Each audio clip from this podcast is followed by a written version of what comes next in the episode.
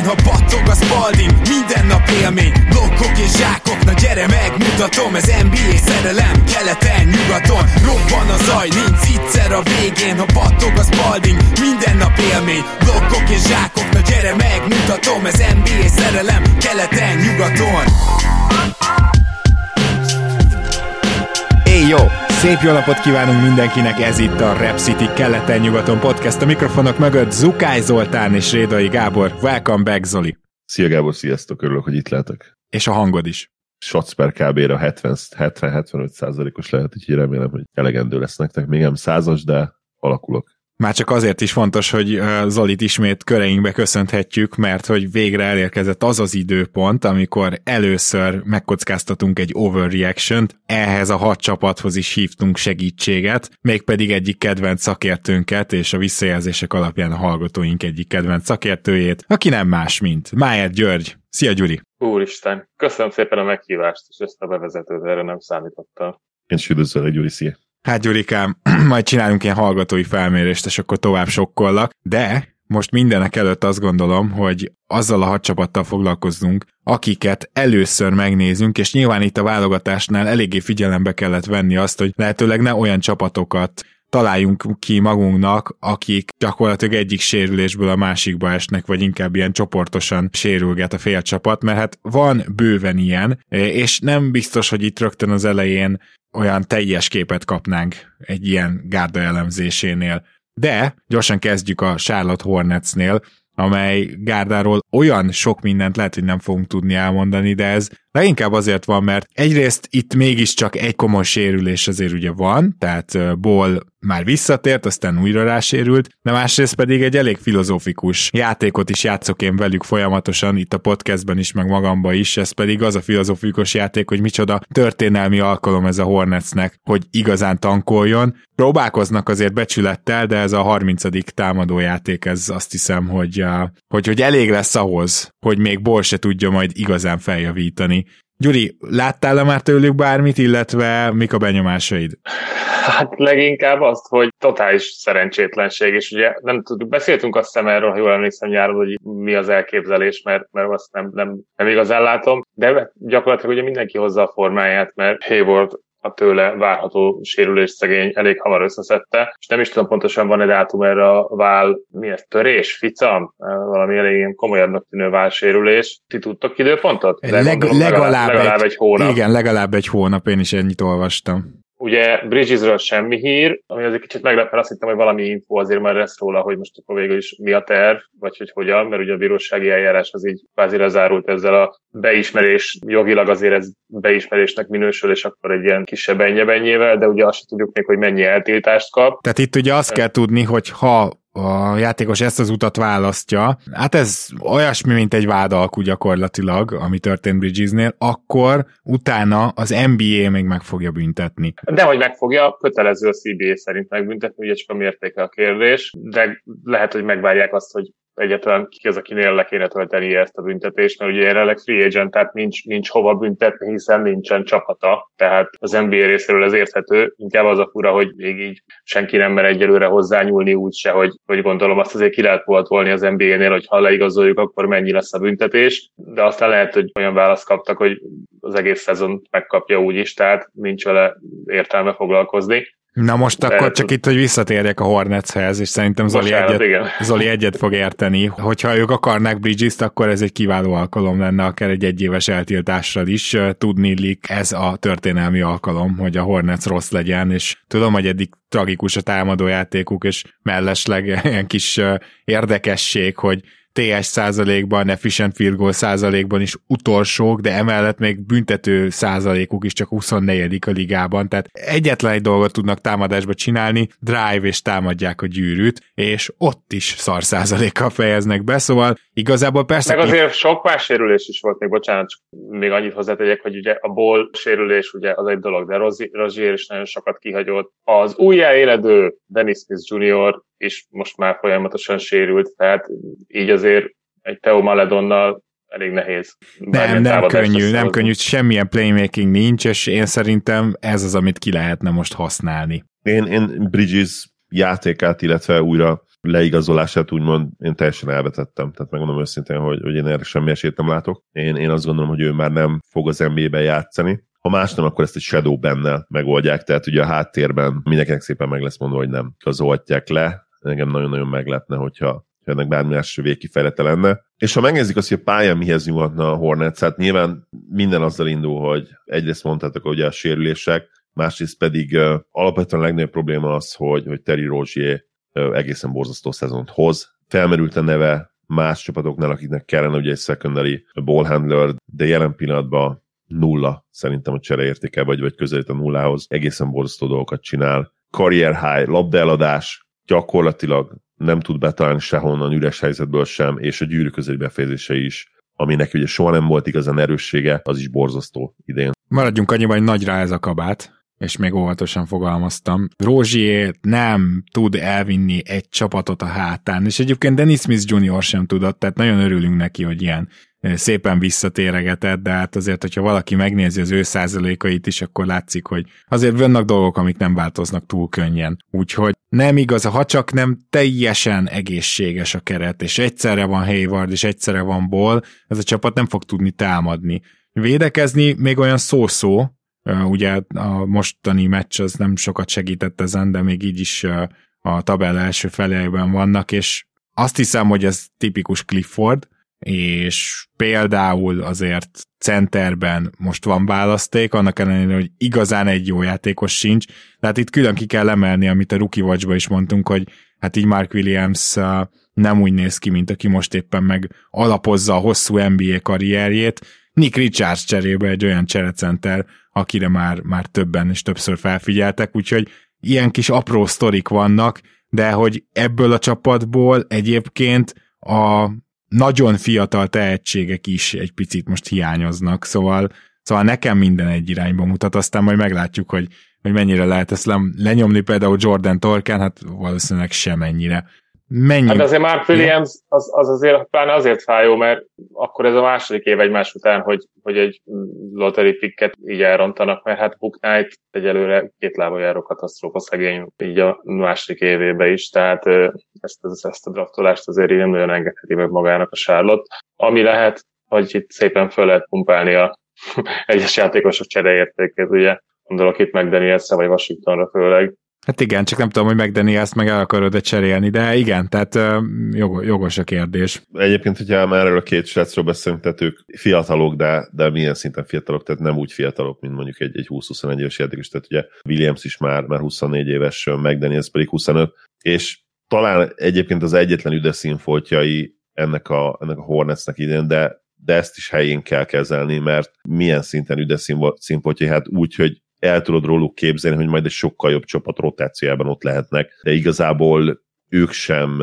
váltják meg a világot, úgymond. Tehát Washington, aki ugye kifejezetten egy olyan játékos volt tavaly, aki, akiről beszéltünk relatíve sokat, de még szerintem a másodévében is nem úgy néz ki, hogy nagyon sokat fejlődött. Nyilván magasabb usage, a sérülések miatt magasabb, magasabb usage dolgozik, mint eddig bármikor, de nem jó hatékonysága helyjel közzel ugyanez igaz ugye McDanielsről is, aki, aki egyen lejjebben, egy posztál lejjebb, de egyébként hasonló típusú játékosok. Nem lesznek ők olyan igazi különbséget jelentő kosarasok ebben a Hornetsben, de nyilván, és akkor itt ugye vissza kell kanyarodni ahhoz, hogy, hogy mit csinálhatnak idén, vagy, vagy mit érhetnek el, úgymond, és nyilván ezzel azt értjük, hogy minél kevesebb győzelmet szerezni. Ha tovább tudnak menni ezen az úton, most elég közel vannak az idézőjelesen le, legjobb, legrosszabbakhoz, akkor igenis megszerezhetik azt a játékost, és itt most nem feltétlenül Bemre gondolok, hanem mondjuk akárki más a top 5-ből, aki, aki lemeló mellett tényleg egy olyan olyan építő kő lehet, akivel, akivel előre tudnak lépni a következő évekbe. Tök egyértelmű, hogy ez kell, hogy legyen ennek az évnek a, a, az egyértelmű végkifelete most már, és ugye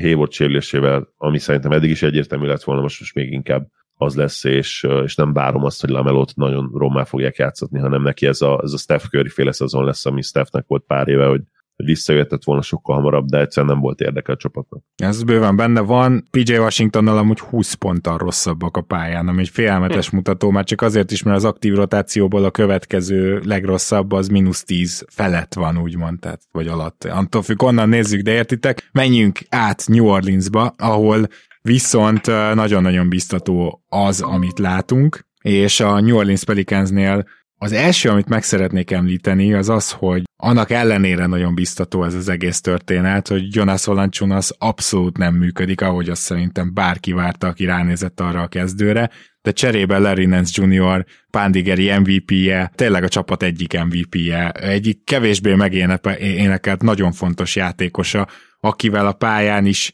sokkal jobbak, egészen pontosan egyébként 8 ponttal, aminél csak Ingram tud jobb mutatót felmutatni az egész gárdából, és mindezt úgy, hogy Valenciunas szal pedig 7 ponttal rosszabbak, hogyha pályán van. Ezt azért érdemes megemészgetni, hogy, hogy itt egy Valanciunas csere az még szerintem simán kilátásban van, mert, mert jelenleg ő, ő az, akivel nem működik a kezdő. De szinte minden más működik. Működik McCallum is, az előbb említett Ingram, na vele 12 ponttal majdnem jobbak a pályán, és Zion is elkezdett működgetni, én most jelen pillanatban azt mondanám, hogy talán második scoring opció, de mondjuk a harmadik legjobb játékos jó indulattal. Zion védekezése továbbra is szörnyű, de összességében fel is soroltam szinte mindent, ami, ami nagyon nem működik a Pelicansnél, és majd hozok pár statisztikát, hogy mi az, ami működik, de akkor itt most Zoli téged kérdeznélek először. Gyuri majd biztos veri tudod a mellét, mert ő volt az, aki a legmagasabbra jósolta a New Orleans-t a,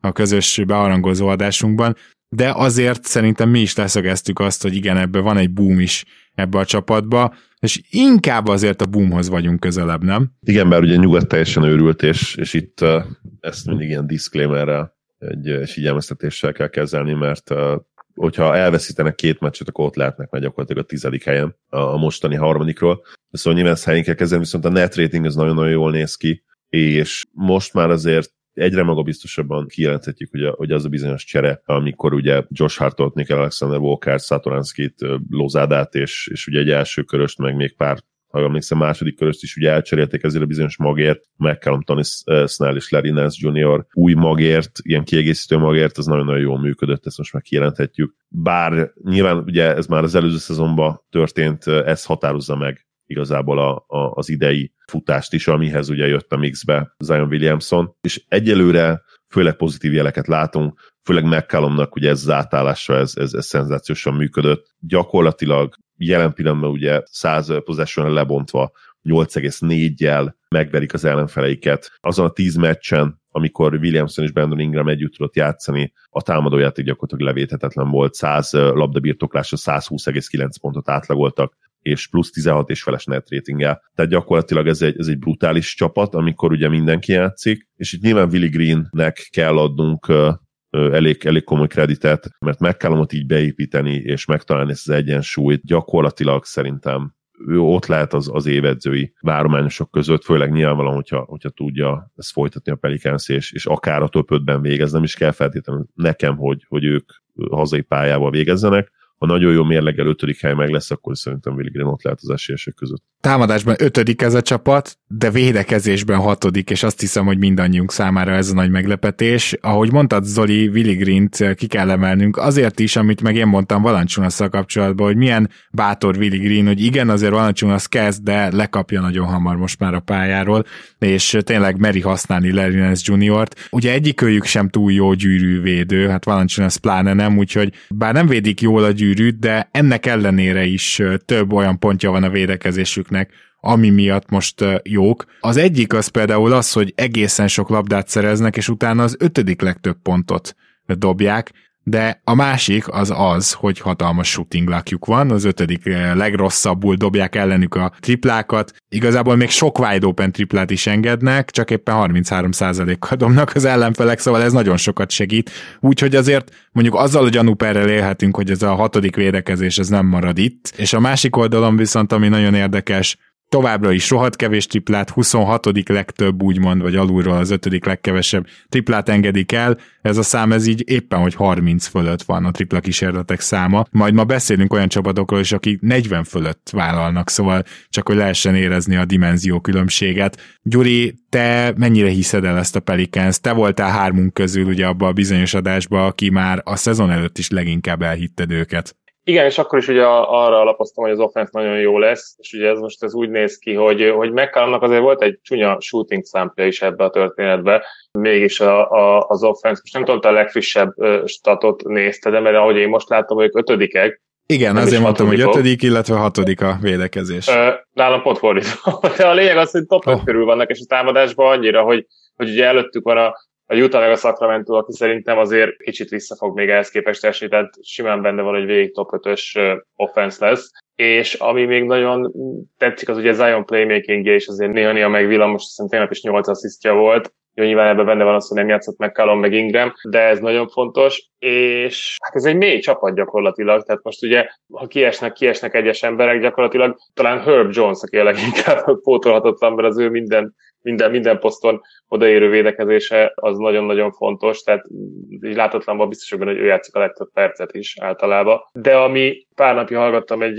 interjút a Hook kollektíven CJ-vel, és ugye ő sokat beszélt nyilván a csapatról, és mondta, hogy Ingramnek a munkamorája az iszonyatosan, iszonyatosan jó, ami azt hetíti előre, hogy azért az ő konstans fejlődése az még, még tulajdonképpen még, még most sem állt meg. Tehát vállalhatna akár tröp triplát, amiért ugye CJ szokta is piszkálni, hogy az jobban megnyitná neki a támadást, még jobban a játék többi elemét, tehát, tehát Ingramben még mindig van bőven fejlődés, és gyakorlatilag itt minden azon áll vagy bukik, hogy Zion egészséges tud maradni, mert ha egészséges tud maradni, ez a, ez a csapat azért simán összeérhet egy konferencia döntős csapattá ezzel a mélységgel. Ugye Trey Murphy, meglátjuk, hogy ő is fejlődik, de azért, de azért ott olyan, olyan brutális shooting potenciál van benne, ami, ami szintén nagyon-nagyon fontos egy komoly reményekre vágyó csapatnak, hogy, hogy legyenek ilyen wing, wing shooterek, és hát Dyson Danielsből is még, még akármi lehet, tehát... Figyelj, játszik, játszik, nem foglalkoztunk vele külön a Rookie Watch-ban, mert nem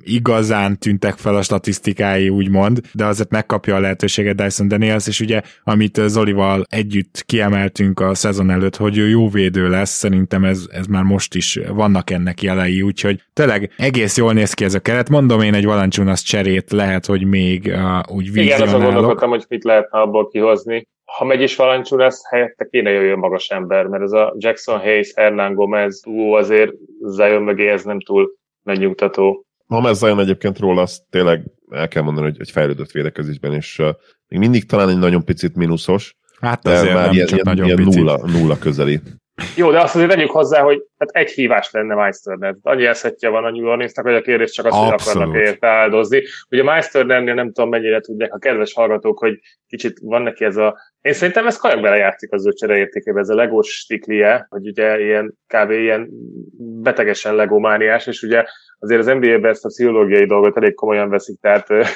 szerintem ez nála egy fekete pont, hogy vannak ilyen bekattanásai, mert gyanús, hogy még senki nem cserélt érte.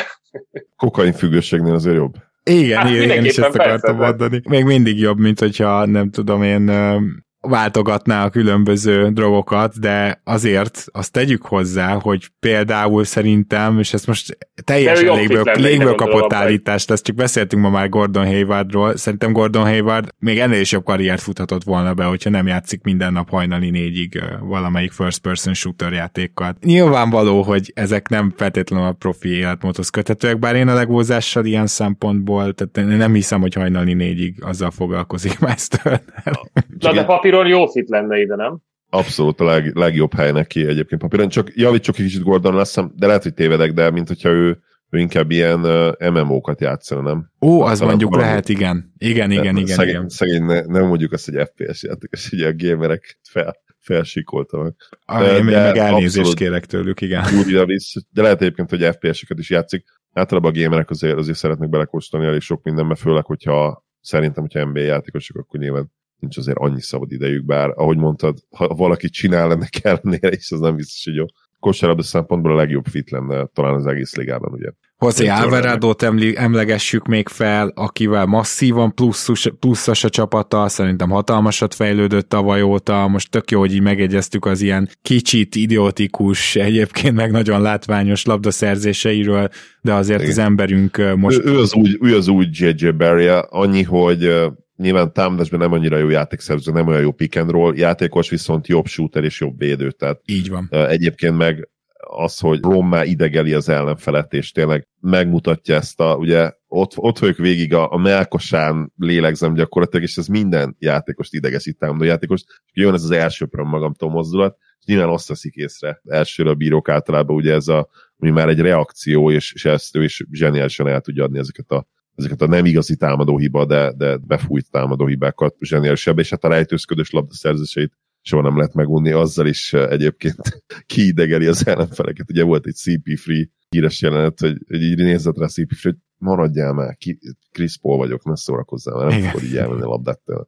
nézett rá, hogy jó van, mehet, mehetsz nyugodtan visszavédekezni. Ha már szoba került Miles Turner, akkor az Indiana Pacers a harmadik csapatunk, amelyik nyilvánvalóan az egyik legpozitívabb meglepetés a szezonban. Azt gondolom, hogy hogy most is szereznek folyamatosan szurkolókat, illetve a saját szurkolóik ennél jóval rosszabb szezont vártak, de most akkor elkezdeném én az elemzést, Hát nem tudom, nem tudom, hogy jó-e Indiánának az, ami most történik. A tizedik legjobb támadó csapat, a tizenhatodik védekező, ez tegnap este, és ugye kedden vesszük fel, ti meg kedves hallgatók, szerdán halljátok, szóval én ezt hétfő este szedtem ki, lehet, hogy azóta már egy picit módosultak ezek az adatok, de szóval ez egy fiatal csapat, és Carlyle saját magát meghozuttolva, azt hiszem erről már kettünk is korábban említést itt a podcastben, azt mondta, hogy de hát ő már pedig az, hogy győzni akar, az nem a meghazuttolás, de hát, hogy akkor fiatal csapaton van, akkor rohanjunk.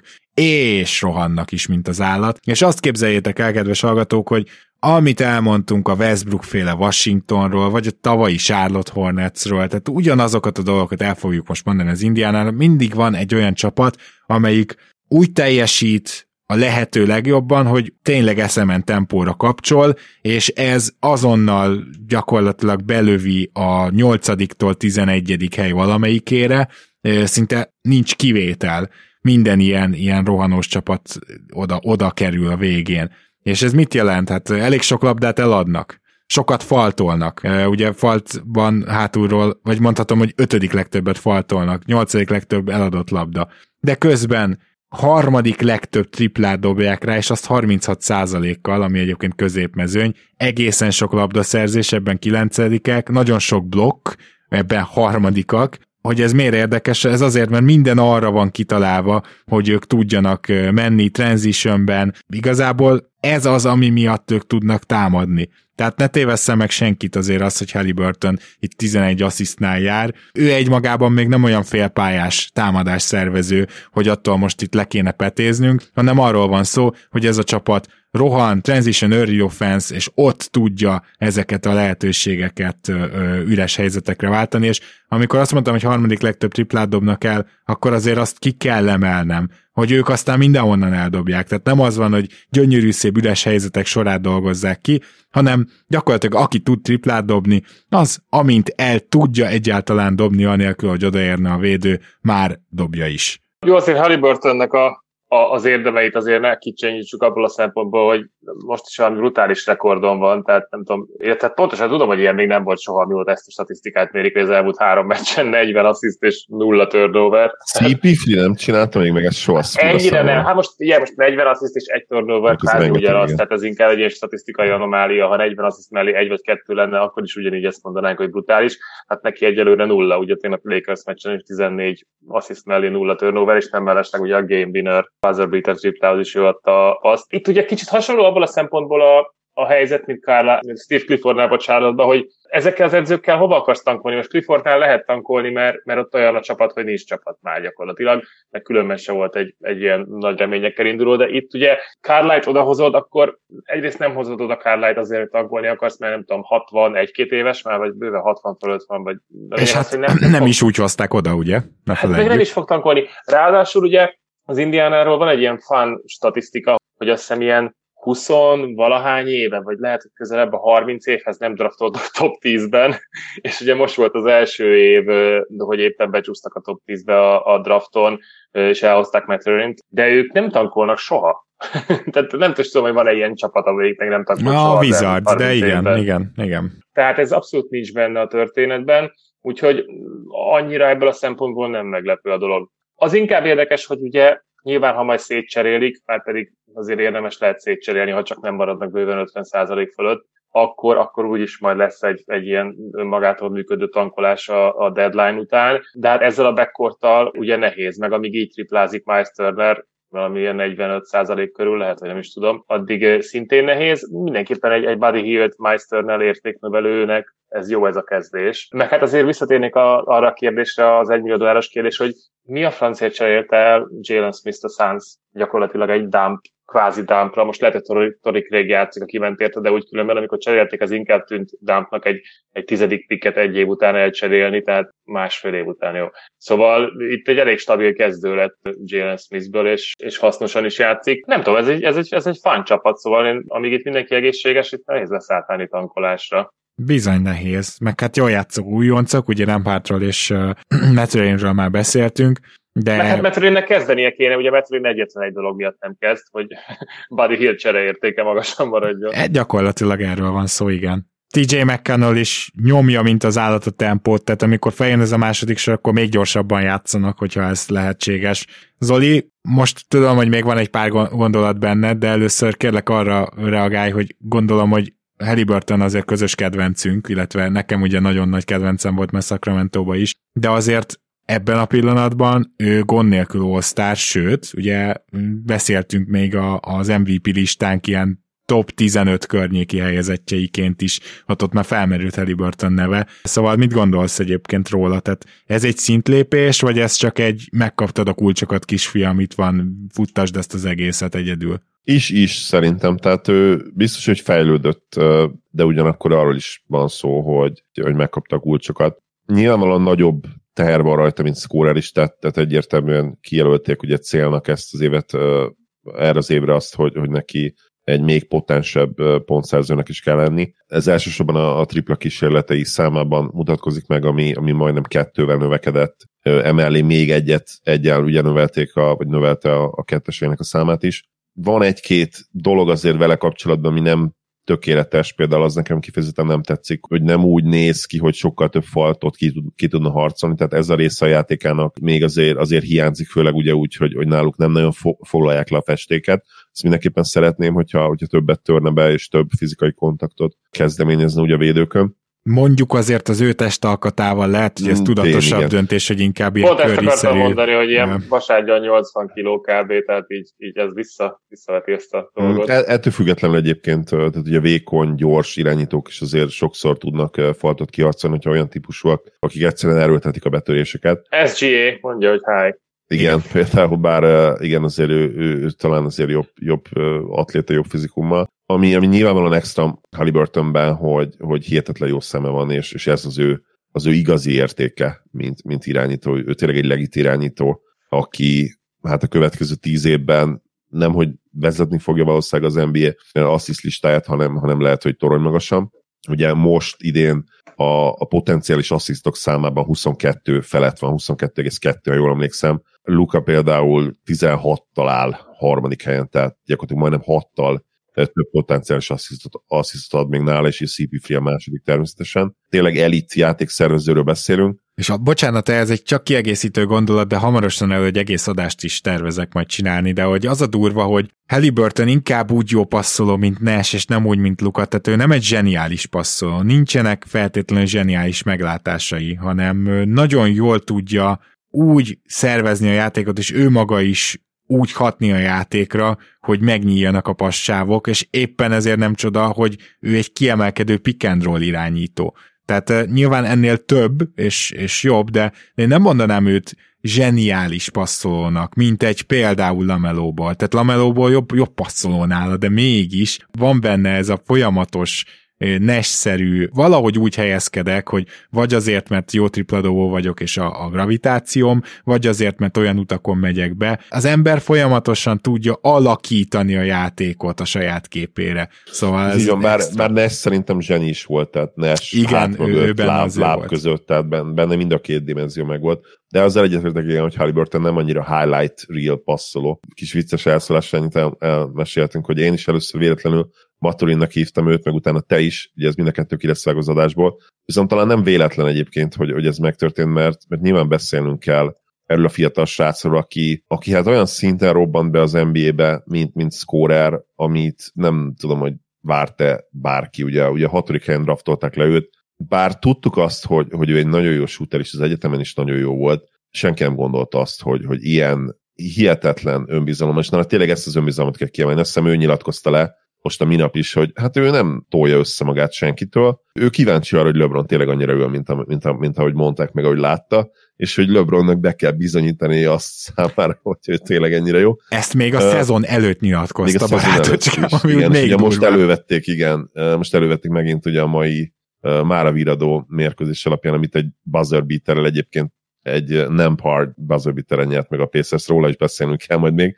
egy kicsit legalább, de, de Maturin megint zseniális volt. Lepattanózóként is egyébként tényleg vannak nagyon-nagyon jó extra meccseim, a nyolcat szedett le, és minden meccsen konzisztensen tüzel ez a srác, és, és rendszerint nagyon jól tüzel. Tehát nyilván bele, belecsúsznak ilyen 1 per 6-os meccsek, de, de 5 per 8-as meccsek is zsinórban, és ami nagyon-nagyon tetszik, és ami nagyon-nagyon fontos, hogy oda tud állni oda tud kerülni a büntető vonalra is. Tehát megvan neki úgymond már ez a dimenziója is. Nulla playmaking gyakorlatilag, de ezt még teljes mértékben el tudjuk fogadni tőle, mert gyakorlatilag háromszintes scorer már most. Triplából egészen elképesztően veszélyes, odaér a gyűrűhöz, ott be is tud fejezni, még nem annyira jó százalékkal, de, de ebben is szerintem ő nagyon jó lesz, mert nagyon-nagyon atletikus, és büntetőket is ki tud harcolni, amit, amit viszonylag jó százalékkal be is dob. 80% körül van a, a szezon átlaga, úgyhogy nem semmi, hogy, hogy egy újonc személyében egy ilyen fegyvert talált gyakorlatilag uh, Carlisle és a Pacers. Egy fun fact csak Matherinhez, hogy ő is kanadai, és tudom, hogy mindig előkerül ez a téma, de és most nem is kezdem el sorolni, mert úgyis kihagynak egy csomó fontos ember. De ugye nem csak Matherin kanadai, hanem rögtön utána draftolt Shadon Sharp is, aki például Nate Duncan draftboardján első volt. Ez most már tényleg olyan mennyiségű mocskos jó kanadai játékos van, csak hát sose lehet belőlük csapatot csinálni, egyszer valaki tudna belőlük csapatot csinálni, most már tényleg a következő pár évben talán valaki valahogy valahol egyszer összejön, mert brutális az meg, meg ezt nagyon sok ideje mondjuk, hogy nagyon jók a kanadai játékosok, de olyan Igen, igazán nem voltak jó. Hát de meg olyan igazán nem is voltak jó, tehát ugye Andrew wiggins is mondtuk, de Andrew Wiggins nem lett az az, az Andrew Wiggins, aki, hát aki, azért, akire számítottunk. is, SGA is, nyilván uh, Jó, igen, most nagyon jó, de mégsem. De, de fiatalok még, tehát azért... Igen, még legtöbb... nem öregek, Murray sem öreg, igen. Ez egyszer összeállhat. Ez egyszer összeállhat Nick Nurse alatt. Tehát igen, azért igen. ott az egyző is megvan. Na menjünk át gyorsan még Dallas, Dallasba is, ahol 12. a támadásban, a Dallas 12. védekezésben, majdnem a legnagyobb alulteljesítők net rating szerint, a, majd még beszélünk arról a csapatról, akik még náluk is nagyobb alulteljesítők, de mondjuk úgy, hogy komolyan vehető csapatok közül ők alulteljesítenek, ez ugye mit jelent, most már a rutinos hallgatóink pontosan tudják, hogy sokszoros meccset veszítenek el. Jó sok dolgot felírtam még, de azért megkérnélek Gyuri, hogy mondd már el a benyomásaidat erről a Dallasi csapatról, mert nem csak Zoli kedvenc csapata, hanem neked is, ha talán, ha van kedvenc csapatod, az mégiscsak a Mavericks. Igen, és abból is láttam nem csak az elmúlt pár évben a legtöbb meccset, hanem, hanem idén is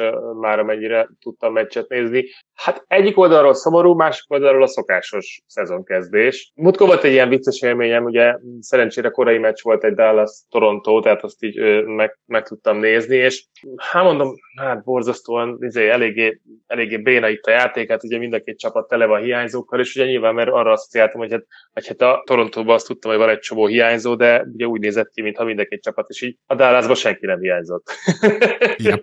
egyszerűen, csak, egyszerűen csak az az érzése volt az embernek, hogy két ilyen hiányos csapat játszik egymással, de hát ez a Dallas nem volt igaz. Beszéltünk erről már sokszor, hogy meg, meg van ragadva ez a történet csapatépítés szempontjából, és az előbb-utóbb, előbb-utóbb probléma lehet Luka miatt, idén még nem hiszem, de, de ha rosszul alakul az év, akkor 2024-ig nem lehet kihúzni. Siralmas sajnos Hardaway Junior teljesítménye, én szerintem Kit se találja el a line tehát ennek az egész Wood projektnek, ugye játszai gondolom ő a tanárbácsit, meg a nevelési célzattal, hogy akkor kevesebbet játszik, hát ha jobban összekapja magát. Azért Wood már 25-26 éves, tehát értem, hogy nem volt még soha jó csapatban, de de nem nevelgetni kéne, hanem kihasználni az erőnyös tulajdonságait, és akkor azzal motiválni, hogy, hogy több játékidőt adunk neki, és ha nem megy, akkor meg kész, akkor engedjük el ezt a projektet. De, de ez így nem tudom, hogy uh, hova vezet, hogy megnézzük a számokat, és egyértelmű, hogy a Luka Wood páros működik. Tök mindegy, hogy védekeznek, akkor is óriási pluszban vannak, de ahhoz az kéne, hogy ne Wood jöjjön a cserepadról, hanem Dinwiddie jöjjön a cserepadról, mert ez így nem működik tehát, tehát valamit sürgősen változtatni kéne, és ez a Dwight Powell token kezdés, hogy mindig visszajutunk Dwight Powellhoz, akármi van, ez, a, ez amikor olyan csajoddal már 57-szer szakítottál, és mindig újra, újra összejöttek, mert így, hm, hát, ja, azért, miért ne. Tehát ö, ö, nyomassuk Wooddal. Na jó, de várjál, most Meggi, Meggi azért nagyjából bebizonyította azt, amit mondtam, hogy ez egy nagyon szörnyű szerződés lehet. Igazából... Na jó, de ilyenekbe vele lehet ugrani, hogyha egy ilyen, egy ilyen becsúszik néha. Értem én csak, hogy Powell miért kerül vissza. Hát azért kerül vissza, mert az az alternatíva még, hogy a teljesen most mosodszalnak kinéző Meggi kezd. Jó, még... de Meggi árában úgyse hoztában a kezdőt, tehát nem amiatt kezd Powell, hanem azért kezd Powell, mert nem akarja Woodot kezdetni. Ez kétségtelen. Itt azért... Számok meg azt mutatják, hogy neki kéne kezdenie. Itt azért beszéljünk arról is egy kicsit, hogy egyrészt érdekes az is, hogy a mondjuk egyes, kettes poszton mennyivel jobban el tudjuk viselni ezt a pont dobó ember a padról koncepciót, mint ugye itt magas poszton, ahol azt mondjuk, hogy oké, okay, hogy Wood nem védekezik jól, de mennyivel több pontot dob, és ugye Jason Kidd eléggé védekezés mániás, tehát hogy ő nála nem csoda, hogy nem megy ezzel a torkán. Szóval kíváncsi leszek ebben Zoli véleményére is.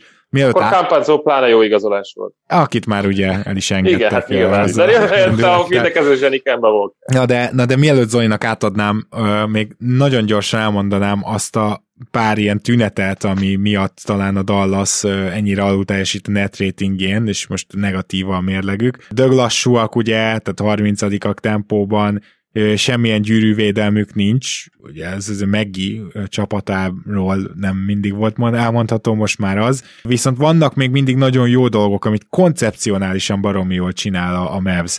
Az egyik ugye az a Luka offense vigyáz a labdára, illetve azt is el kell, hogy mondjuk, hogy a legkevesebb triplát engedik, viszont a nincs szerencséjük, mert az ellenfelek 37%-kal dobnak ebből, de azért az látszik a védekezés profiljukon, hogy ők közvetlenül a gyűrű közelébe sem annyira akarnak beengedni téged, főleg nyilván azért, mert nem tudják megvédeni, és a, a Mavsnél ez a floater távolság az, ahol szabad a gazda. Gyakorlatilag a védekezésük arra megy rá, hogy az ellenfelek abból a floater távolságból dobáljanak. És szerintem koncepcionálisan ez jó. Csak ezért ezt hangsúlyoztam ezt, hogy Kid mekkora védekezés mániás, mert, mert itt van amúgy egy, egy jó koncepció, ami többet hoz ki a csapatból, mint ami az egyes részekben benne lenne, legalábbis védekezésben. És valahol ezért nem csodálkozom azon, hogy Woodot hát nem, nem, nem tudja megszeretni. Érdekes a Mavericks idén, mert én, én például nagyon-nagyon ugrálok a pánikolás és a, á, ne pánikoljunk, mert a, mert a shooting luck minden. És tényleg a, nyilván a shooting luck nagyon sok minden megmagyaráz, tehát uh, ugye pálya mindkét oldalán itt olyan tendencia van, ami így nem fog folytatódni, ahogy mondtad, ellenünk nagyon-nagyon jól dobják, az átlagnál sokkal jobban dobják egyelőre a triplát, ami nyilván ki fog egyenlít, egyenlítődni a végére, illetve hogyha megnézed a, a, a Luka Doncic, Reggie Bullock, Maxi Kleber, Dorian Finney-Smith és tehát Tim Hardaway Jr. lesz még itt igen, a bocsánat, igen, köszönöm, Tim Hardaway Jr. quintettet. Ők meccsenként 27 triplát, triplát átlagolnak körülbelül, és jelen pillanatban 29%-kal dobják. Úgyhogy hogy ennek a, a mediánja körülbelül ilyen 36-7%-nál kéne, hogy legyen. Amivel és, Lukának is meg lenne a 11 assziszt simán. Amivel Lukának is meg lehetne, igen, ha nem is a 11, de a 10, 10 egyértelműen. És ez nyilvánvalóan változni fog, tehát egyébként ez tavaly is egy hasonló utat járt be, ugye, amikor 15-17-tel kezdett a Mavericks, ugyanez volt, nem estek be a triplák, Bullock egészen gyenge volt tavaly is, aztán ugye gyakorlatilag az egyik legjobb triplázó lett, és maradt is egyébként a playoffra, playoffban is nagyon jól triplázott a Mavericks. Tehát emiatt én nem aggódom, de, de ugyanakkor meg azt, azt látni kell, hogy, hogy egyértelmű hiányosságok vannak a keretben, és, és a lepattanózás az egy konstans probléma. Most már nem is évekre, de évtizedekre visszavezetőleg. Tehát a Mavericks egyszerűen gyenge lepattanozó csapat, ami már nem minden úgy mond, mint egykoron, ugye a 90-es évek, 2000-es évek elején azt mondták, hogy gyakorlatilag aki megnyeri a lepattanó csatát, az megnyeri a, a meccset is, ez ma már abszolút nem igaz, mert ma, ma inkább a, ugye ezt a triplázásra mondhatjuk, hogy aki egyértelműen megnyeri a tripla csatát, az, az nyeri a meccset, de ettől még fontos, és főleg a play a Warriors szemben ugye láttuk, hogy, hogy mennyire felértékelődhet a, ott, ott olyan meccset is sikerült elbukni, ahol, ahol 20 triplát dobott be a Mavericks, és 40% felett triplázott csapatszinten, egyértelműen megnyerte ezt a párharcot, de, de a Warriors olyan szinten megsemmisítette őket a, a lepattanó csatában, hogy mégis sikerült elbukni, elbukni ezt a meccset. Szóval uh, egyértelműen vannak hiányosságok, és egyébként a padról egy, egy playmaker, egy irányító ilyen lenne, és, és, és ha valamiért haragszom most Kidre, nem is feltétlenül a Wood szituáció, mert oké, okay, még neki kell idő, mire ezt így fejben összerakja, és, és, és ez egy elhatározás. Érezze azt Wood, hogy ezt megérdemelte. Majdnem biztos hogy benne, hogy jön a kezdőbe előbb-utóbb, és, és stabilan 30 perc körül vagy felett fog játszani. Ami, ami számomra extra problémás, hogy, hogy nem próbáljuk meg ugye Hardit játszatni, és, és hogy, hogy, hogy hibázzon egy kicsit, hogy, hogy, hogy lássa azt, hogy, hogy mire lehet képes az NBA-ben, hanem inkább helyette leigazolunk basszus egy, egy Kemba Walkert, akiről tudjuk, hogy gyakorlatilag az NBA-ben érdemi pályafutását befejezni. Tehát tudnia kell ezt mindenkinek, és úgymond, hogy csodába bíznak, úgy, hogy, hogy Hardy egyébként oké okay, a G-ligában, de a G-ligában jelen pillanatban dominál és, és 9 meccsen ilyen 30 pont körül átlagol, és 46-7 kal triplázik. Szóval, szóval miért nem nézzük meg ezt a fiatal dinamikus srácot? Először a podról 15 perceket játszon, nem kell, nem kell olyan hatalmas terheket a nyakába rakni. Nem mondja már nekem erre a skit, hogy hát fiatal és nagyon sokat fog hibázni, és nem engedhetjük meg magunknak. Azt megengedheted magadnak, hogy, hogy Tim Hardaway Jr. gyakorlatilag jelen pillanatban a liga legrosszabb játékosa, és stabilan játszatott 20-25-28 perceket Ugye? Ugye? hetek óta ezen, tehát azt miért engedhetjük meg magunknak? Hát igen, ezzel teljesen egyetértek, ott azon a poszton lehetne kísérletezni. Adáson... Fog jönni azért Hardy, meg, meg, meg hát lesz úgyis olyan sérülés, ami miatt kell majd valószínűleg ember, csak hát igen, a, a logika egyelőre, hogy egy kidnél ez a, ez a katonás szigor, ez lehetséges, hogy esetleg ilyen nehezebb helyzetekbe majd vissza fog ütni. Bár most megelőlegezem neki a bizalmat, ugyanúgy, ahogy tavaly megelőlegeztem neki azt, hogy szar lesz, aztán ránk cáfolt. Úgyhogy most azért nem akarok ugyanebbe a hibába esni, de a klasszikus ismereteink szerint ez ez a szituáció nem sok jóra vezet, mert így önfejűen tartja magát a, a szigorhoz, de közben meg egy Tim hardaway játszhat, hogy hát ha növeljük a csereértékét, és jobban tudjuk legalább nem negatívan, hanem nullás csereértékkel elcserélni, mert én nagyon látok itt egy panic trade és a panic trade nem feltétlenül pejoratív értem, hanem egy all-in trade ami, ami utólag majd vagy paniknek minősül, vagy jól. Vagy bejön. Hát reméljük nem sieti a Dallas front office. Még nagyon gyorsan emlékezzünk meg arról, hogy Luka egy kicsit ezen a Hardeni úton haladva, de hát nyilván ez nem az ő útja, hanem a csapaté, tehát döbbenetes mennyiségű ISO van most a Mavs offense ebben egyértelműen előreléptek, és azt fantasztikusan fejezik be, mert már nyilván egy az egyben Lukáról van szó, de egyébként 14 százalék az ISO frekvenciájuk, vagy gyakoriságuk, és még a második helyezett csapatnak is csak 10, és már korábban is mondtam, hogy ez, ez egy rosszul mérős statisztika, tehát ennél nyilván jóval többet ájzóznak, csak ez a, ez a, amikor tényleg úgy elkülönül, és tényleg posztba meg ilyesmivel kapja meg ISO-ba a játékos. Szóval, szóval Luka egy ilyen ISO vezérelt, vagy tripláznak gyakorlatilag, vagy Luka befejez közelről. És ami elképesztő, hogy itt most nagyon sok posztapot csinálnak Lukán keresztül, és ez ugye ez egy kicsit ilyen elfeledett játék, amire Kárlel is azt mondta, hogy hát ez már nem hatékony a mai NBA-ben. Erről van is egy nagyon jó videó fent uh, YouTube-on, hogy, hogy ezt visszahozta kicsit úgymond a Mavs és Luka, és nagyon-nagyon jó point per possession statokat Bizony. hoznak belőle. Bizony, tehát ez, ez működik, az nem működik, hogy utána 40 triplát kipasszol, és abból hogy dob a Mavs, ugye. Na, de menjünk át egy olyan csapathoz, ahol viszont a shooting egy nagyon apró túlzás azt mondani, hogy működik, vagyis hogy egy nagyon apró alulbecsülés azt mondani, hogy működik, mert gyakorlatilag szétdobják a ligát, ez a Boston Celtics támadásban első, de mérföldekkel, védekezésben 17. Gyuri.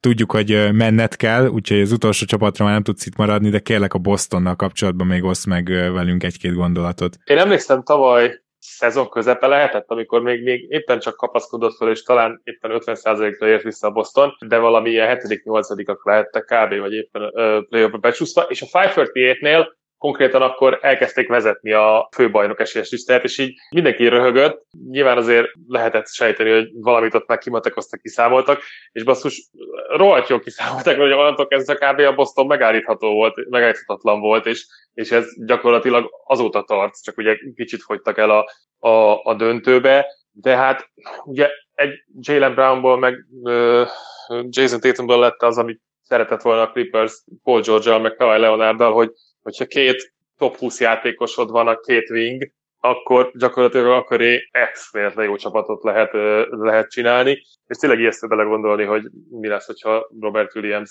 is játékra jelentkezik. hát akkor még emellé rakod azt a védekezést, ugye messze-messze a legfontosabb eleme ennek a védekezésnek. És egy ilyen támadás mellé, hát ez így nem tudom. Én nem szívesen beszélek a Bostonról, mert nem akarom dicsérni őket.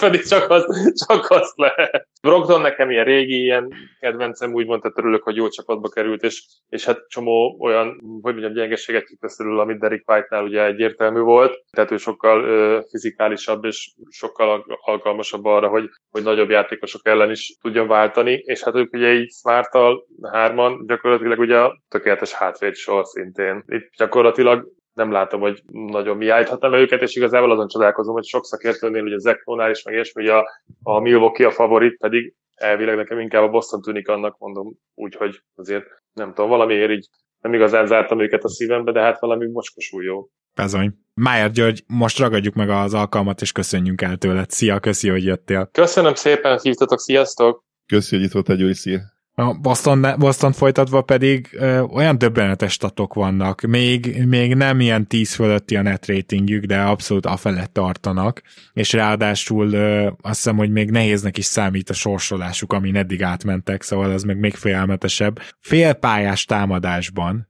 a Boston 5 pontot ver a következőre. Hagyok időt, hogy ez nekem hisztük ezt a statisztikát, mert... Azért brutál, ez... mert ugye az egyik oka annak, amit nagyon egyszerű beazonosítani, hogy miért jobbak. Most egyelőre ne beszéljünk arról, hogy miért historikus ez a támadójáték, mert nem biztos, hogy ez az érdekes kérdés, meg nem biztos, hogy erről beszélnünk kell. Mert és nem is biztos, hogy tartható. Nem is biztos, hogy tartható, de, valamilyen szinten azt várjuk, hogy ez visszabesik, de, de arról meg beszélünk, hogy miért javult egyértelműen ez a támadójáték. Az egyik oka az volt, hogy, hogy jobban futnak. Még mindig nem futnak olyan nagyon extrán, de a tavalyihoz képest, ugye tavaly egy kifejezetten lassú pace voltak, 18-ok voltak ugye tavaly pace tavaly 20, 26-ak voltak, idén pedig ugye valamelyest gyorsítottak ezen, és most már ugye 18-ak, tehát tehát úgymond ilyen középmezőny, majdnem középmezőnyben vannak. Ami viszont extra érdekes szerintem, amit mondtál, Gábor, hogy, hogy mennyivel szervezettebbnek tűnik ez a támadójáték, és mennyivel könnyebben látszólag megtalálják a jó helyzeteket. Ugye náluk elsősorban a, a, a triplának a, a kimaxolása. Tehát, Teljesen. Uh, majd a shooting lakról beszéltünk egy kicsit, de,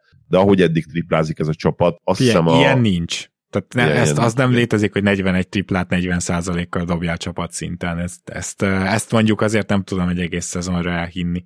Igen, és nyilván ott, lesz, ott lesznek a legjobban triplázó csapatok között, azt hiszem tavaly is egyébként már ott voltak. Igen. Tavaly is ez egy jó, jó triplázó csapat volt, de azért ennyire nem lesznek extra jók.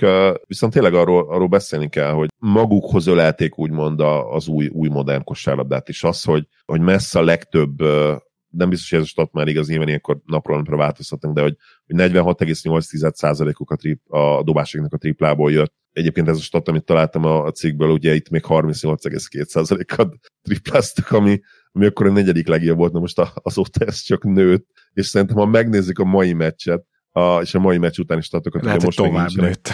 Lehet, hogy még, még jobb lesz, igen. Tehát egészen hihetetlen, hogy, hogy tényleg kollektíve mennyire elképesztőnek tűnik eddig ez a támadójáték. És így nyilván azért beszélni kell arról, hogy Brogdon nagyon jól működik a padról, tehát tényleg benne találtak egy egyértelműen, én nem is azt mondanám, hogy egyértelmű playoff rotációs embert, hanem a egyértelmű hatodik embert, akit úgymond hatodik emberként játszatnak, de, de gyakorlatilag teljes mértékben egyenértékű vájtal, más erősségekkel, de talán, sőt, hogyha azt mondjuk, vagy gondoljuk, hogy a támadójáték ma a mai NBA kicsit értékesebb, akkor nyilván még, még White-nál is egy kicsit értékesebb, aki egyébként szintén szenzációsan játszik, és szenzációsan is dob. Szóval egyelőre nem nagyon van look e, ezen a csapaton, és, és ha hozzáveszed azt, hogy az egyetlen hiányosság most, ami ugye a gyűrűnek a levédése, ami totál lényegtelen jelen pillanatban, mert szétdobnak, szétfutnak mindenkit, az, az a luk is be lesz foldozva, toldozva, ahogy visszajön ugye Time Lord. Nagyon úgy néz ki, hogy, hogy kollektíven, mentalitásban, magabiztosságban, játék felfogásban is, mert nekem ez a támadójáték jobban tetszik. Veszítettek valamennyit védekezésbe, de az majd lehet, hogy pont williams megoldódik, és, és lehet, hogy ha nem is a tavalyi szintre, mert, mert arra szintre nem mehetnek vissza, és lehet, hogy azt még hozzá is teszem, Gábor, nem tudom, egyetértesz velem, de hogy ha, ha ennyire jó vagy védekezésbe, akkor az már valahogy egyszerűen lerontja a támadójátékodat is, nem? Hát nagy, nagyon ritka, hogy nem, igen, ez kétségtelen. Azért nyilván a nagyon elit csapatoknál azt láttuk, hogy vagy elsők védekezésben, és mondjuk ötödik, hatodikok támadásban, vagy fordítva. Tehát, igen, hát, de, de azok tényleg az ilyen majdnem, hogy dinasztia alapanyag csapatokról beszélünk, akik ezt meg tudták csinálni több éven keresztül. Amit még én így elmondanék, nyilván már kitaláltátok, hogy TS százalékban, efficient field goal százalékban torony magasan első a Boston, de ugye vannak ezek a matekozós csapatok, mint például az én két kedvencem, ugye a Grizzlies meg a Raptors, akik, akik azt szeretnék, hogy tudják, hogy nem annyira hatékony a félpályás támadásuk, de szeretnének sokkal többet rádobni, mint az ellenfél, ezért agresszívan mennek a támadó lepattanóját, agresszívan a védekezésükbe keresik a lehetőséget, hogy, hogy élő labdás labdalopásuk legyen, tehát úgy értem, hogy úgy vegyék el a labdát, hogy egyből tudjanak belőle indulni. Na a Boston, mivel ennyire jó a félpályás támadójátéka, annyira nem törődik ezzel, hogy támadó lepattanóban 29-ek, az ellenfél nél kikényszerített turnoverek százalékában pedig 30-ok. Azért ez még így is lesokkol, hogy, hogy a Boston megteheti azt, hogy ezeket az egyébként pont támadás segítő intézkedéseket nem veti be, valószínűleg nem is alkalmas annyira rá a keret, de nyilván ezek ugye kockázattal járnak, tehát ha nagyon mész a támadó pattanóért, akkor egyszer-kétszer le fog rohanni az ellenfél, hiszen nem fogsz tudni rendesen visszaérni. A másik része meg, hogyha stílekre rárepülsz, akkor az nem egyszer, nem kétszer át fog menni ugye kockáztatásba, és aztán azt ki tudja használni az ellenfél. Tehát amíg ez a félpályás támadás így marad, és ha ez mondjuk a playoffban megközelítőleg így marad, akkor én nem, nem látom azt, hogy ezt a csapatot ki tudná megállítani, de most nagyon korán van ahhoz, hogy ilyenekről beszéljünk. Tehát Igen. nem gondoljuk, hogy ez a félpályás támadás így maradhat, és az is nagyon érdekes volt, amit felvetettél, hogy ugye Robert Williams-szel lehet, hogy ez a félpályás támadás azért nem marad így, lehet, hogy vele a védekezés feljavul, és azért, és azért nem fognak utcahosszal vezetni támadásban. Még most még akiről beszélünk kell egyértelműen Sam Hauser, tehát hogy Ugye Gáló sérült, Gálóról gondoltuk azt, hogy egy nagyon értékes kiegészítő lett ennek a csapatnak, de most az merül fel, hogy, hogy hova fog egyáltalán itt beférni Gáló, hogyha, ja, hogyha felépül. Tehát Sam Hauser olyan szinten tökéletes kiegészítő ember eddig, hogy, hogy az emberben inkább az merül fel, hogy miért nem játszik, miért nem játszik 22, 24, 25 percet, miért csak 17 és felett. Tehát gyakorlatilag követeli magának a még több játékidőt. Tényleg a liga egyik legjobb triplázója jelen pillanatban. Nyilván ott hagyják üresen elég, elég sokat, de, de akkor is ezeket bedobja majdnem 50%-kal gyakorlatilag. Nem csinál semmi hülyeséget a pályán, de ezt úgy képzeld el, hogy, hogy szökő évente ad el labdát. Nagyon-nagyon jó helyezkedik, és ami engem egyébként meglepett, hogy olyan dolgokat is láttam tőle, és itt tényleg ezt ki kell emelni, hogy a statisztikai lapokon ez nem fog megjelenni, de olyan dolgokat is látsz tőle, amik tényleg egy jó játékosra utalnak. Tehát egy, egy nagyon, jó, nagyon jól meglátott passz, egy nagyon jól helyezkedő helyez, nagyon jó helyezkedés után megszerzett labda. Gyorsan uh, tud dönteni, igen. Gyors, szóval... gyors döntéseket hoz, igen. Tehát nyilván ebből semmit nem fogsz meglátni a statisztikai alapokon, mert gyakorlatilag nem létező a steel block, meg, meg az assist sem, mert nem ez a feladata. De mégis, amikor történik egy-egy ilyen jelenet, akkor, akkor tényleg azt látod egyből, hogy ú, basszus, ennek, ez tényleg kiszúrta ez a srác, és, és, és ott van. És 24 éves, ugye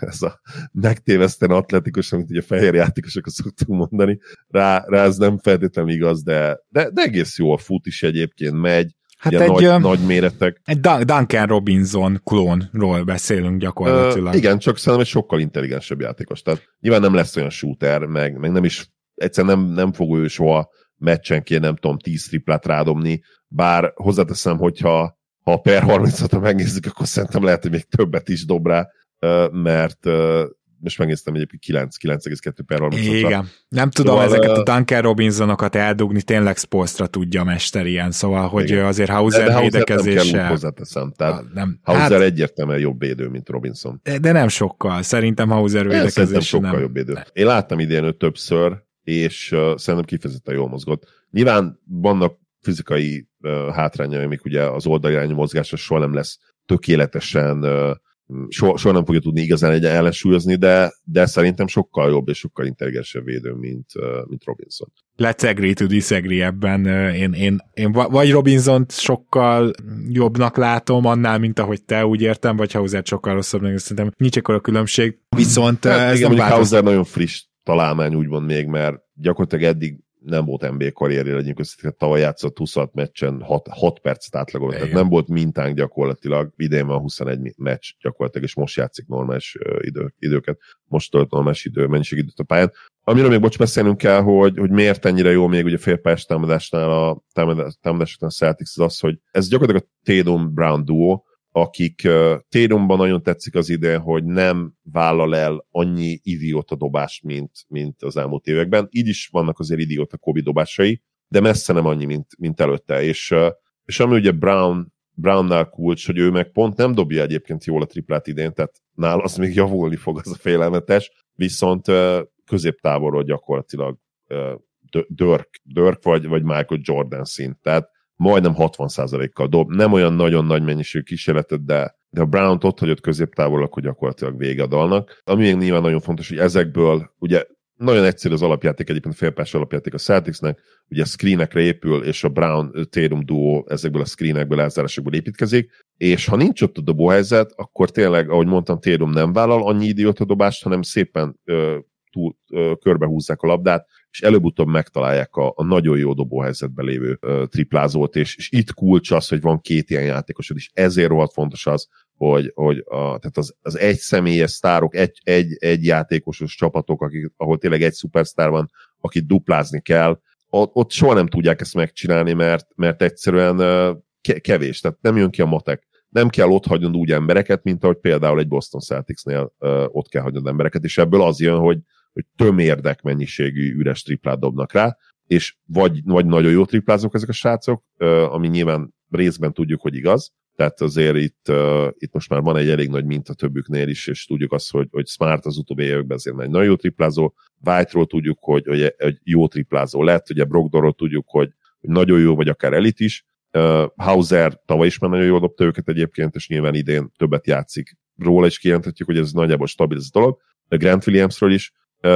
Tehát, tehát ez, ez egy működő rendszer lehet, és, és itt a kérdés az az, hogy mennyire lesz jó az az egyensúly, amikor visszajön majd Williams, hogy, hogy valamit azért elveszel ebből a mostani rendszerből, de ugyanakkor meg hozzáadsz csomó minden. De, de az egyértelmű, hogy, hogy legit contendernek tűnik a, a Celtics, és, és ha most fogadni kéne, valószínűleg én is rájuk fogadni. Igen, nagyon nehéz lenne most bárki mást mondani. Ők a domináns csapata ennek a ligának, a, és nem, tehát, tehát most azt mondanám, hogy lesz 60 győzelmes csapat, sőt, lesz 60 győzelmes csapat addig, az alapján, amit, amit eddig láttunk. Menjünk át Houstonba, 26-ok védekezésbe és támadásba is. Ami engem legjobb, nagyon... Legjobb. Igen, de ami engem nagyon érdekelt, az az, hogy ugye tavaly a Houston story az egy dologban össze lehet foglalni. Jobban adták el a labdát, mint a Spalding meg a Wilson együtt. És azt hiszem, hogy ilyen utcahosszal vezettek. És akkor még megnéztem, most direkt, most néztem rá először, hogy vajon ezt a problémát sikerült-e orvosolni? Hát nem.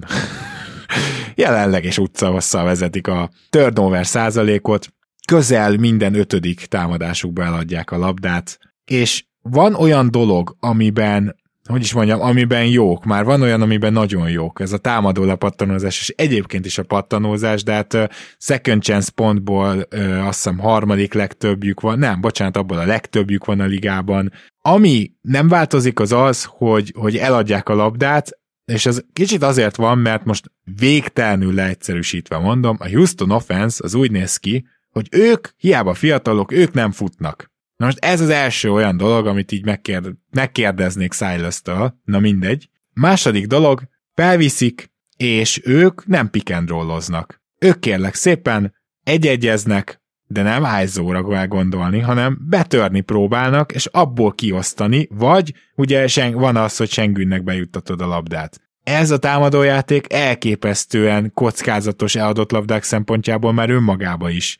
Nem csinálsz transition próbálsz gyorsan játszani, de mégis inkább maximum early offense de, de még, mégse futsz olyan szempontból, hogy, hogy ugye transitionben azt hiszem a hetedikek hátulról. Ami még érdekesebb, hogy betörni próbálsz, nyilván ehhez nagyon jó ballhandlerök kellenének, de nincsenek, és utána kipasszolni, nyilván ezek eléggé jó passzolnak kell lenned, hogy, hogy ne add el a labdát, de nem azok, vagy pedig bejátszani, amit ugye azért az NBA védekezések elég sokszor lehalásznak. Tehát összességében maga a támadó felfogás nincs összhangban azzal, hogy milyen típusú játékosok vannak, és ezért adják el ennyiszer a labdát. Nem akarom teljesen Silasra kenni ezt az egész sztorit, mert nyilván tök jó jönne, hogyha Josh Green, meg Kevin Porter Jr.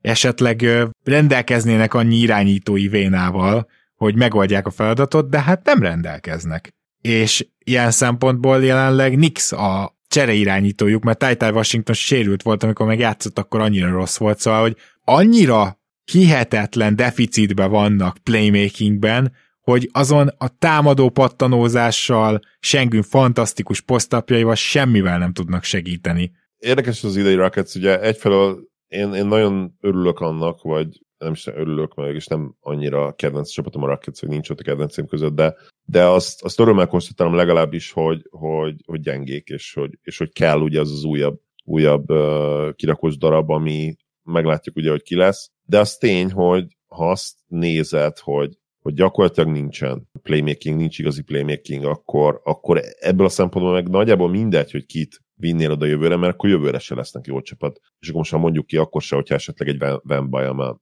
kerül oda, ami, ami nyilván egyébként Szengőnnel egy nagyon érdekes probléma lenne, bár nem abból szempontból nem érdekes probléma, hogy nyilván Szengőn megy a fenébe a cserepadra, mert őt ugye erőcsatáként nem fogja tudni játszatni. És egyébként az a bajom az egész Szengőn dolog, tudom, hogy te nagyon kedveled őt, hogy Sengőn, igen. Sengőn, igen, én Sengőnek hívom mindegy igazából, de, de oké, okay, legyen Sengőn. Én nem látom azt, hogy hogyan ne legyen ő a következő counter. Tehát, hogy annyira, annyira ugyanaz a játék. Ugye ez a domináns low post jelenlét, ugye, ugye Kenter szinte a, a, mondjuk a második, harmadik évétől egészen a tizedik évéig, akármelyik szezonban, akár melyik csapatban 20 pontot tudott volna átlagolni, 60% körüli TS-sel, mert, mert olyan komoly low post jelenlét volt, és annyira domináns támadójátékos volt ebből az egy szempontból. De, de már akkor is játszhatatlan volt, és, és én egyszerűen nem látom azt, hogy Alperen hogy lesz játszható egy, egy modern NBA rendszerbe. Ő nekem tényleg a következő Kenter, vagy a következő Jonas. Tehát egy, egy, egy domináns uh, játékos, de, de erre nagyon nincs szükséged a mai hmm. NBA-ben. Tehát itt, uh, itt, itt örülök neki, hogy tök jogos statjé, meg hatékonyan dob 20-15 pontot, meg azt, azt számogatod már, hogy hú, hát ő már idén akár 20 pontot szerezhetne, és nyilván szerezhetne is, mert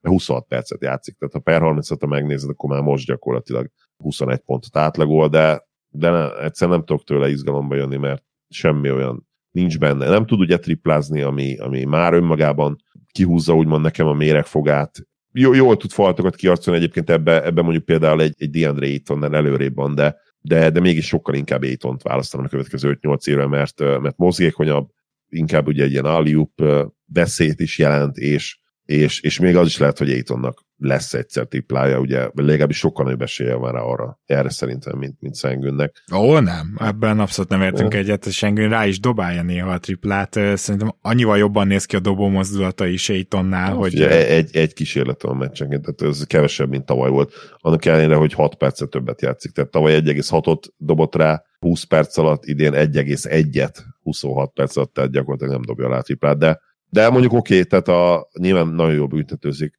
tehát ugye majdnem 80 százalék, úgyhogy ebből a szempontból igen lehet, hogy igazad van, hogy, hogy, hogy egyszer lesz majd egy, egy triplája, mint mondjuk egy Pau Gasolnak, ugye lett a pályafutás második felére, de, de ettől függetlenül ez nem változtat azon, amit mondtam, hogy nem, egyszerűen nem tudok izgalomba jönni a, a többi dologtól, amit csinál, vagy amit inkább ugye az a probléma, hogy mit nem csinál. Ja, ja. Egyébként sajnos nem tudok vitatkozni azzal, hogy, hogy Sengőnnek kicsit ez, ez a, a kilátása, bár ő biztos, hogy palgozol szeretne lenni, és nem Enes Kanter. Ez azért volt hülyeség ezben mondanom, mert törökként meg még inkább Enes Kanter akar lenni, mint palgazol, de értitek, kedves hallgatók. azért azt el kell, hogy mondjuk, hogy itt a Houston a legnagyobb alul teljesítő. Tehát mondtam a Dallasnál ugye, hogy van egy csapat, aki, aki aki náluk is jobban alul teljesít. Tehát a Houston mérlege az olyan szempontból nem mutatja meg a csapat erejét, hogy, hogy masszívan alul teljesítik a net ratingjüket, és még egy dolgot el kell mondani, hogy azért ők úgy kezdtek, hogy idegenbeli meccsek tömkeregével. És most, amikor már kicsit több normálisabb uh, schedule volt, több hazai meccs, akkor azért futottak egy ilyen uh, 3-2-t, azt hiszem a legutóbbi öt meccsen, szóval ne temessük el őket teljesen, mert például a védekezésük az nem ilyen katasztrofálisan liga utolsó. Vannak fejlődésre utaló jelek. Szerintem itt egy egyzőváltással egy sokkal nagyobb ugrást is el lehetne érni. Kérdés persze az, hogy szeretnéd-e ezt, mert ahogy Zoli is említette, igazából sehol nincsen még jó megoldás. Ha valahol van egyébként, akkor az a pad. Tehát ez a csapat a padjából él teljesen egyértelműen. Ugye Dyson Nix Ö, nem, nem, őt, nem, nem őt fogom, igen, azért megdicsérni most nagyon. Nem, nem, úgy, nem úgy, mint a Porció egyébként, az inkább Dyson Daniels, de Dation, ez, ez egy ilyen csodálatos név, ugye. Meg a vezeték, vezetéknév is a Nixel, Nix XL, ugye az is nyilvánvalóan egyértelműen, igen, egy nagyon special fejezem, inkább, mert félreértik majd. Oké. Okay. Akit meg akarok dicsérni, az egyébként Tari Eason és Kenyon Martin Jr. Ezt megtettem már Rookie watch úgyhogy nem fogom nagyon kibontani, csak igazából... Megtettük, igen. Aztán én azt akkor Kenyon Martin Jr. Nagyon-nagyon jó, viszont abszolút modern. Tehát én inkább el tudom képzelni majd, hogy, hogy ő lesz ebbe a csapatban még a jövő évben, mint, mint Szengön. Hiába a majdnem lottery státusz ugye Szengönnel. Igen, csak ugye Kenyon Martin Jr. centerként már tényleg nagyon alul méretezett. Tehát ez most így, ez a, ez a cserenégyes jól áll neki. Figyú, kedves hallgatók és Zoli, ez egy full mínuszos csapat, és most csak Zolinak lesz meg a esélye, hogy megtippelje, hogy szerinted Kenyon Martin Jr. a pályán egy, mondom, full mínuszos csapat, hány ponttal jobb? Ö, hárommal? Nem tudom. 13,2-vel. Uh, az kemény. Tehát azért itt egy 20 perces cserejátékosról beszélünk, egy olyan csapatnál, aminek az össznet ratingje az azt hiszem mínusz 5, valamennyi. Szóval egyébként Tari Easonnel is 9,1. Na, ezért is érdemes őket megdicsérni, miközben Josh Christophernek amúgy, pedig ő néha jön a padról, tovább tart a, a hihetetlen lejtmenete, úgy értem, hogy már tavaly is csalódás volt, de idén minden eddiginél nagyobb csalódás. Ettől függetlenül nevelgetik a fiatal tehetségeiket, mondom, szerintem megállapíthatjuk, hogy Houston jobb ennél, mint a mérlege, és rájuk nagyon izgalmas és érdekes lesz visszatérni majd, mit tudom én, január-február tájékán, amikor az overreaction köre bezárul, és megnyitjuk a másodikat, mert szerintem a Houston még tartogat ebben az évben pozitív meglepetéseket is, én, én azt hiszem, hogy ennyire nem rosszak, viszont a jövőkép ennek ellenére ott egyet kell értsek veled, Zoli, hogy, hogy igen, hogy hiányoznak ezek a játékosok. Ez is, hogy Kevin Porter Jr. több valami 52%-os TS-sel, szóval értem én, hogy most megkapta a nagyobb usage és többet van nála a labda, és akkor milyen szép nem néz ki, hogy majdnem 20 pontot átlagol, stb.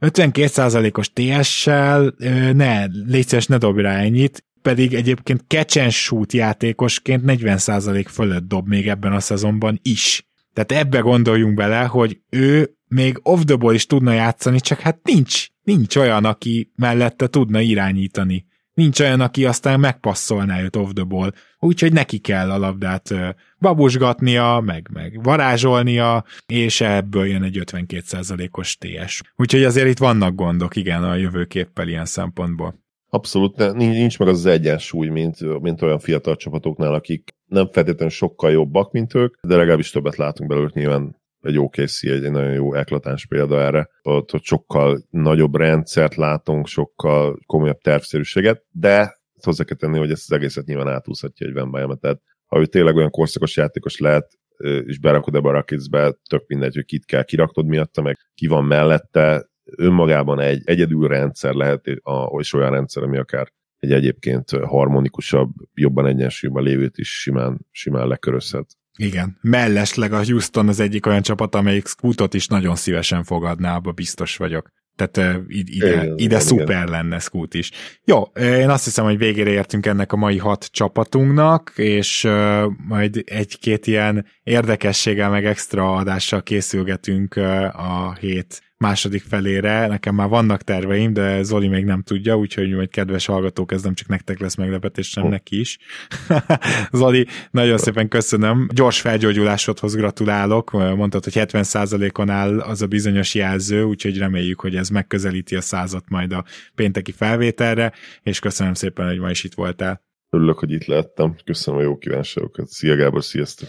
Kedves hallgatók, tartsatok tehát velünk, és jön a decemberi hónap, így szépen lassan bekúszik, és ez a bekúszás, ez majd következő adásban is mondom, de azzal is jár, hogy elindul a másik podcastem, amiről már így említés szintjén beszéltem, az itt és akkor. Első körben mindenkit arra kérek, hogy Facebookon keressétek meg, és lájkoljátok be, meg talán majd az első adás, ha kijön, azt osszátok meg kérlek aztán utána akár le is iratkozhatok, ha nem érdekelt ideket a, a történelem vagy a történelmi összefüggések, de, de tegyetek meg nekem kérlek ennyit, hogy segítsetek elterjeszteni, ez lesz az első ilyen nagy közös feladat most. Aztán utána természetesen a keleten-nyugaton podcastben már nem fogok annyit beszélni a, a másik podcastről, de, de most itt hagy kérjek segítséget a promózáshoz. És köszi szépen, hogy velünk tartotok, köszi, hogy támogattok minket, minden jót kívánunk nektek, sziasztok!